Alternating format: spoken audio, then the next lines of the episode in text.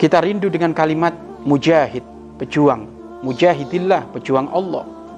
Ansarullah, penolong-penolong Allah. Kita rindu punya punya punya predikat ke situ. Habibullah, Khalilullah, kekasih Allah. Kita rindu ingin masuk wilayah tersebut. Maka jika kita rindu masuk kepada wilayah tersebut, maka di dalam kehidupan kita harus ada nilai perjuangan. Karena intinya gini, kehidupan manusia itu ya dua jalur. Perjuangan di jalan Allah, perjuangan di jalannya seton, iblis. Nah, kira-kira kita ini berada di wilayahnya siapa? Yang berjuang di jalan Allah sangat semangat sekali. Jika ada program-program agama, program-program Rasulullah, program-program Allah Subhanahu wa taala. Pembangunan pesantren, berjuang dengan hartanya. Memakmurkan isi pesantren, berjuang dengan ilmunya.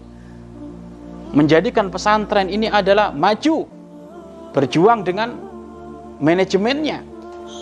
Kalau memang tidak bisa, kita mengambil ilmu, uang dan manajemennya, setidaknya kita berjuang dengan tenaga kita. Artinya apa? Kehidupan kita harus ada yang dituju. Dan yang dituju ini tentu adalah sebuah karya yang sangat hebat. Insya Allah kalau sholat lima waktu, kita orang yang paling rajin insya Allah. Dengan berjamaah. Tapi sholat lima waktu itu adalah ibadah pribadimu. Dan memang ini utama, utama. Sudah harga mati, jangan ditinggal sholat lima waktu. Tapi selebihnya itu, jangan hanya cukup sholat lima waktu saja. Karena surga itu berpangkat-pangkat. Surga itu berlevel-level.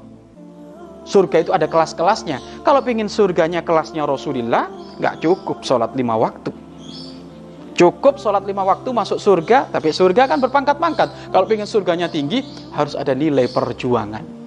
Lalu di dalam kita berjuang, jangan melihat kelemahan kita. Di dalam kita berjuang, jangan melihat kelemahan kita. Kita ini memang lemah. Tapi di dalam kita berjuang, lihatlah kebesaran Allah.